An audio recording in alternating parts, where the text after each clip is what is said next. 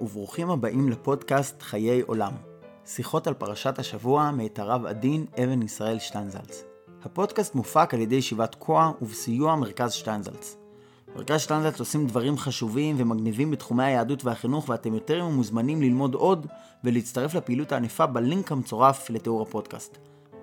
תודה שאתם איתנו. האזנה נעימה.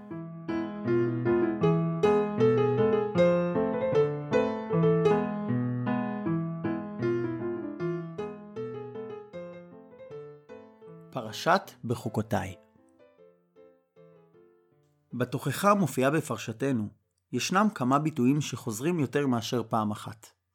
אחד מהם הוא העניין של והלכתם עמי קרי. רש"י ואחרים מפרשים זאת כחטא שבקבלת הדברים כמקרה. אדם אומר, מה קרה?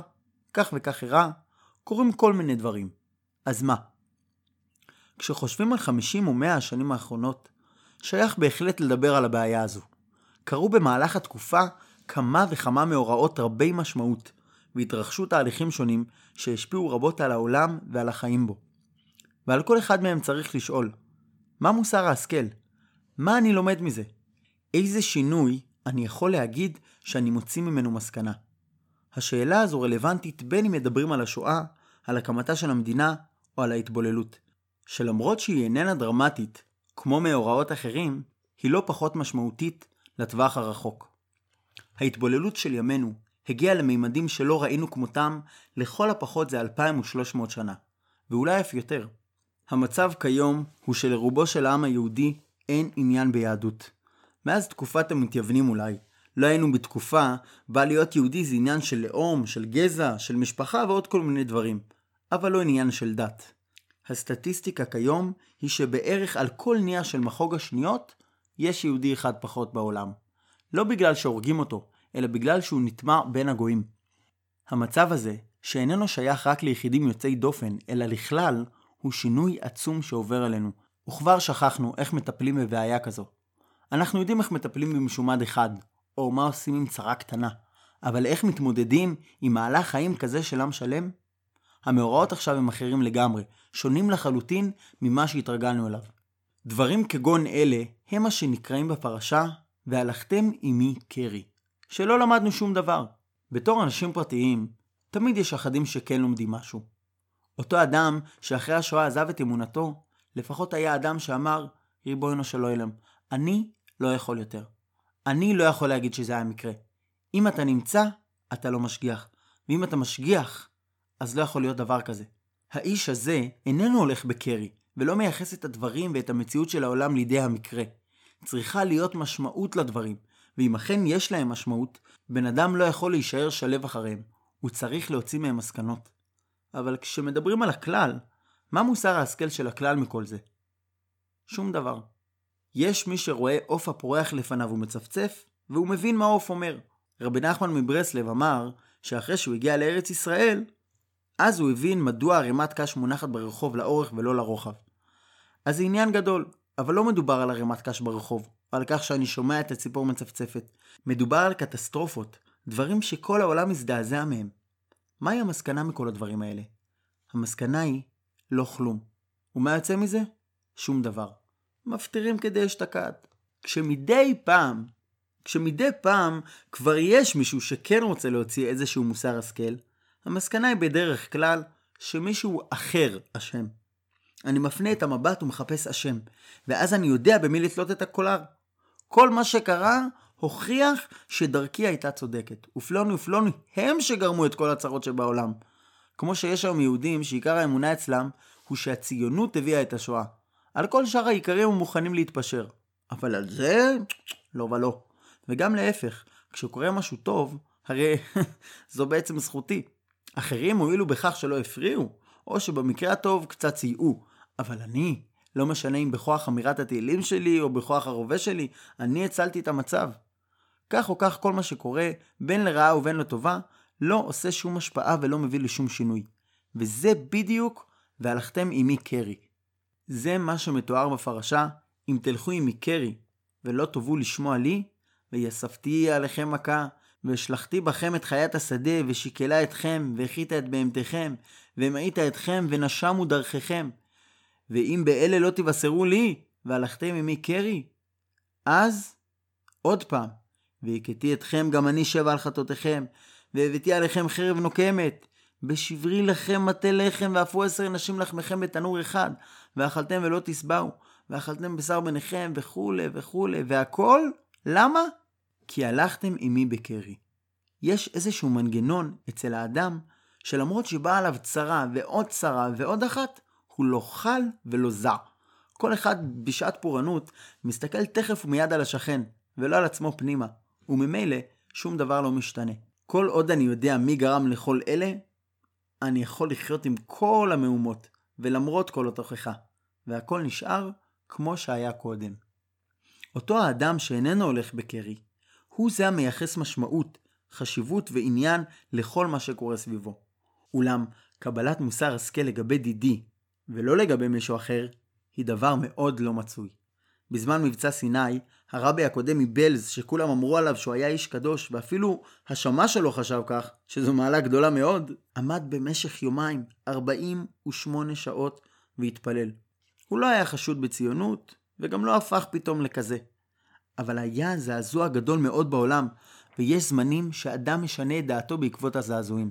גם אם לא בהצהרות דרמטיות. התקווה היחידה היא שמעבר לגבול מסוים, אדם כבר לא באמת יכול לומר מקרה קרה. ובאותה שעה הוא מבין שעליו לעשות איזה תיקון, שעליו לפשפש במעשיו.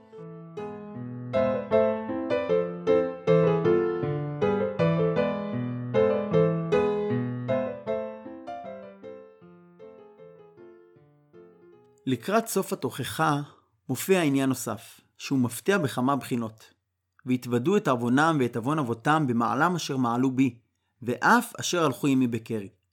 הווידוי הוא לא רק על החטאים, אלא גם על אשר הלכו עמי בקרי, על האטימות, שלא הניחה לראות את הדברים בצורה הנכונה. ואולם, מה העניין של והתוודו את עוונם ואת עוון אבותם? בכל פעם שאנחנו מתוודים על חטא, אנחנו משתמשים בנוסח הזה. אבל אנחנו ואבותינו חטאנו, ואולי דווקא משום כך כבר לא רואים את המוזרות שלו. אני מתוודה על עוונותיי. עליהם אני יודע יפה, חטאתי, אביתי, פשעתי, אבל איזו זכות יש לי לגרור את האבא שלי ואת הסבא שלי לתוך החטאים הללו? באופן טבעי, אותם הדברים שאדם גדל וחי איתם ובתוכם, הוא מצדיק אוטומטית. נו, כך גדלתי, זה האופן שלי, זה הנוסח שלי. משום כך, כשאדם רוצה לעשות וידוי של ממש, הווידוי הזה לא יכול להיות רק על הבעיות שלו עצמו.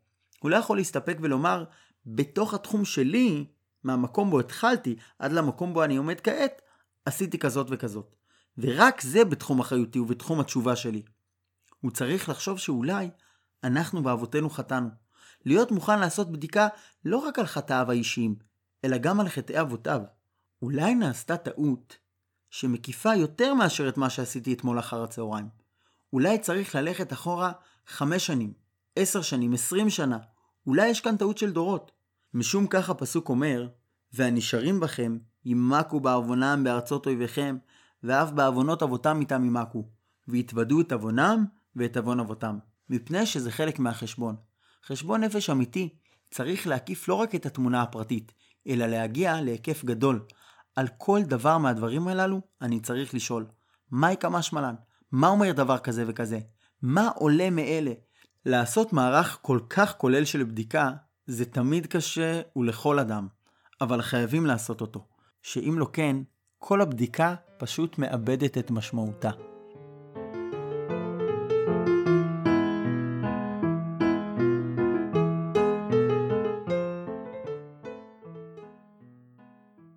בפרשה לא מפורטים כל החטאים, אך יש דבר שחוזר פעמיים, בשני הקשרים שונים המקבילים אחד לשני. בתחילת הפרשה כתוב ונתתי משכני בתוככם, ולא תגעל נפשי אתכם. וכמה פסוקים אחר כך, בתחילת דברי התוכחה, נאמר, ואם בחוקותיי תמאסו, ואם את משפטיי תגעל נפשכם, לבלתי לעשות את כל מצוותיי, להפריכם את בריתי. והביטוי חוזר עוד כמה וכמה פעמים. בדרך כלל, כאשר מדברים על עשיית המצוות, מדברים על הצד הפרקטי, המציאותי של הדברים. מה אני עושה ומה אני לא עושה, איך אני פועל לגבי דברים, משפטים, חוקות, מצוות או ברית. ואילו כאן יש ביטוי לצד אחר של הדברים. האם הם היו אצלך בגדר של גועל נפש? זה ביטוי שלא שייך למה שאני עושה, או למה שאני לא עושה. גועל נפש זה משהו שמתייחס לתחום שמעבר ומחוץ לעשייה עצמה. הוא שואל, איך עשית את הדברים? מה חשת כלפיהם? באיזו הרגשה עשית אותם? כאמור, לא מדובר כאן על מה שאדם לא עושה, או על הדברים בהם הוא עובר עבירה. שאלת הגועל נפש היא בצד אחר של הדברים. התהליך שמוביל ל "ואת משפטי תגאל נפשכם" מתחיל בכך שבעצם לא אכפת. אחרי חוסר האכפתיות, הדברים נעשים מאוסים, מגעילים. משום כך, אדם יכול להמשיך לעשות את כל מה שהוא צריך לעשות, ועדיין הוא מואס וגואל. אדם ממלא את כל ההוראות, אך כשזה מגיע לשאלה האם אכפת לו מן הדברים, אז מסתבר שבכלל לא. אפילו לא אפס קצהו. הם אפילו מגעילים אותו. מובא בשם הארי הקדוש, על הפסוק תחת אשר לא עבדת את השם אלוהיך בשמחה ובטוב לבב מרוב כל. שזהו השורש והטעם לכל העונשים של התוכחה. לא על אשר לא עבדת את השם אלוהיך, אלא על אשר לא עבדת בשמחה. בגלל שאתה לא עובד את השם בשמחה, מגיעה כל התוכחה הארוכה. 98 קללות. למה זה ככה? משום שמה שמונח מתחת למעשים שלא נעשים בשמחה, הוא בדיוק בחוקותיי תמאסו ואת משפטיי תגעל נפשכם. למה שאני אעשה את זה בשמחה? הרי בעצם זה מאוס עליי. אלא מה? אני כבר הולך ומתגלגל באיזשהו דבר, אז אני עושה אותו, עם כל הפרטים וכל הדקדוקים. בדורות קודמים, כשאנשים היו שומעים בבית הכנסת את פרשת התוכחה, אם תלכו עמי קרי, תמאסו ותגעל נפשי אתכם, הם היו עומדים ורועדים.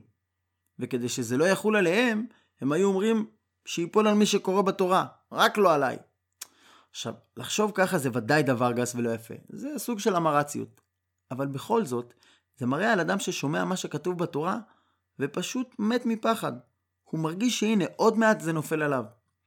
כאשר דור לאחר מכן שב וקורא את התוכחה, אם מישהו לא קרא זקף קטן, יעמידו אותו ויגידו לו שהוא צריך לקרוא את הזקף קטן ואת המפיק ה' הכל כאשר לכל. ובאמת על פי דין צריך להחזיר אותו, למה תיגרע פרשה זו מכל שאר הפרשות שבתורה? אבל מדוע מה שנשאר מכל התוכחה זה רק המפיק ה'? באותו האופן, ישנם אנשים שעבורם קריאת שמע אינה אלא ההכת תמצא כדי להתיז את הזין בלמען תזכרו, וכל שאר מה שנאמר בה הם דברים בטלים. ואהבת או לא ואהבת זה לא חשוב, אבל להתיז את הזין זה דבר של ממש. הדברים האלה מראים שבעצם לא אכפת, שבעצם יש מיאוס וגאילה. המהר"ל, בהקדמה לתפארת ישראל, כותב באריכות גדולה על העניין של על מה אבדה הארץ, על עוזבה מתורתי. ובגמרא בבבא מציע מבואר שעוזבה מתורתי הוא שלא בירכו בתורה תחילה. המהר"ל מרחיב בשאלה, מה הכוונה בכך שלא בירכו בתורה תחילה? על עבירות כמו שפיכות דמים, גילוי עריות ועבודה זרה, הקדוש ברוך הוא לא מקפיד. הן נחשבות לעבירות חמורות כמובן, אך הן לא אלה שעליהן אבדה הארץ ושבגללן מגיע חורבן. הוא בוודאי לא מקפיד גם על עוד כמה דברים קטנים. ומה הדבר עליו כן מקפיד הקדוש ברוך הוא? על כך שלא בירכו בתורה תחילה? תמצית דברי המהר"ל היא שאדם יכול להיות עם התורה, אבל הקדוש ברוך הוא לא נמצא שם. וזה ההסבר ללא בירכו בתורה תחילה. המהר"ל אומר ששורש הדבר הוא שאחרי כל מה שאדם עושה, בעצם השורש של העניין לא נוגע לו. יכול להיות ככה ויכול להיות אחרת, וזה לא באמת חשוב. ועל כך עבדה הארץ. ויתר הקדוש ברוך הוא על עבודה זרה ועל גילוי עריות ועל שפיכות דמים, ולא ויתר על מעשה של תורה. לא שעל העבירות הללו מחול ומכופר, אבל אלה דברים שיש להם תיקון בעולם הזה או בעולם הבא, במותו של אדם או אחרי מותו. על מעשה של תורה נראה כאילו אין כפרה, אין עם מי לדבר. לאף אחד לא אכפת.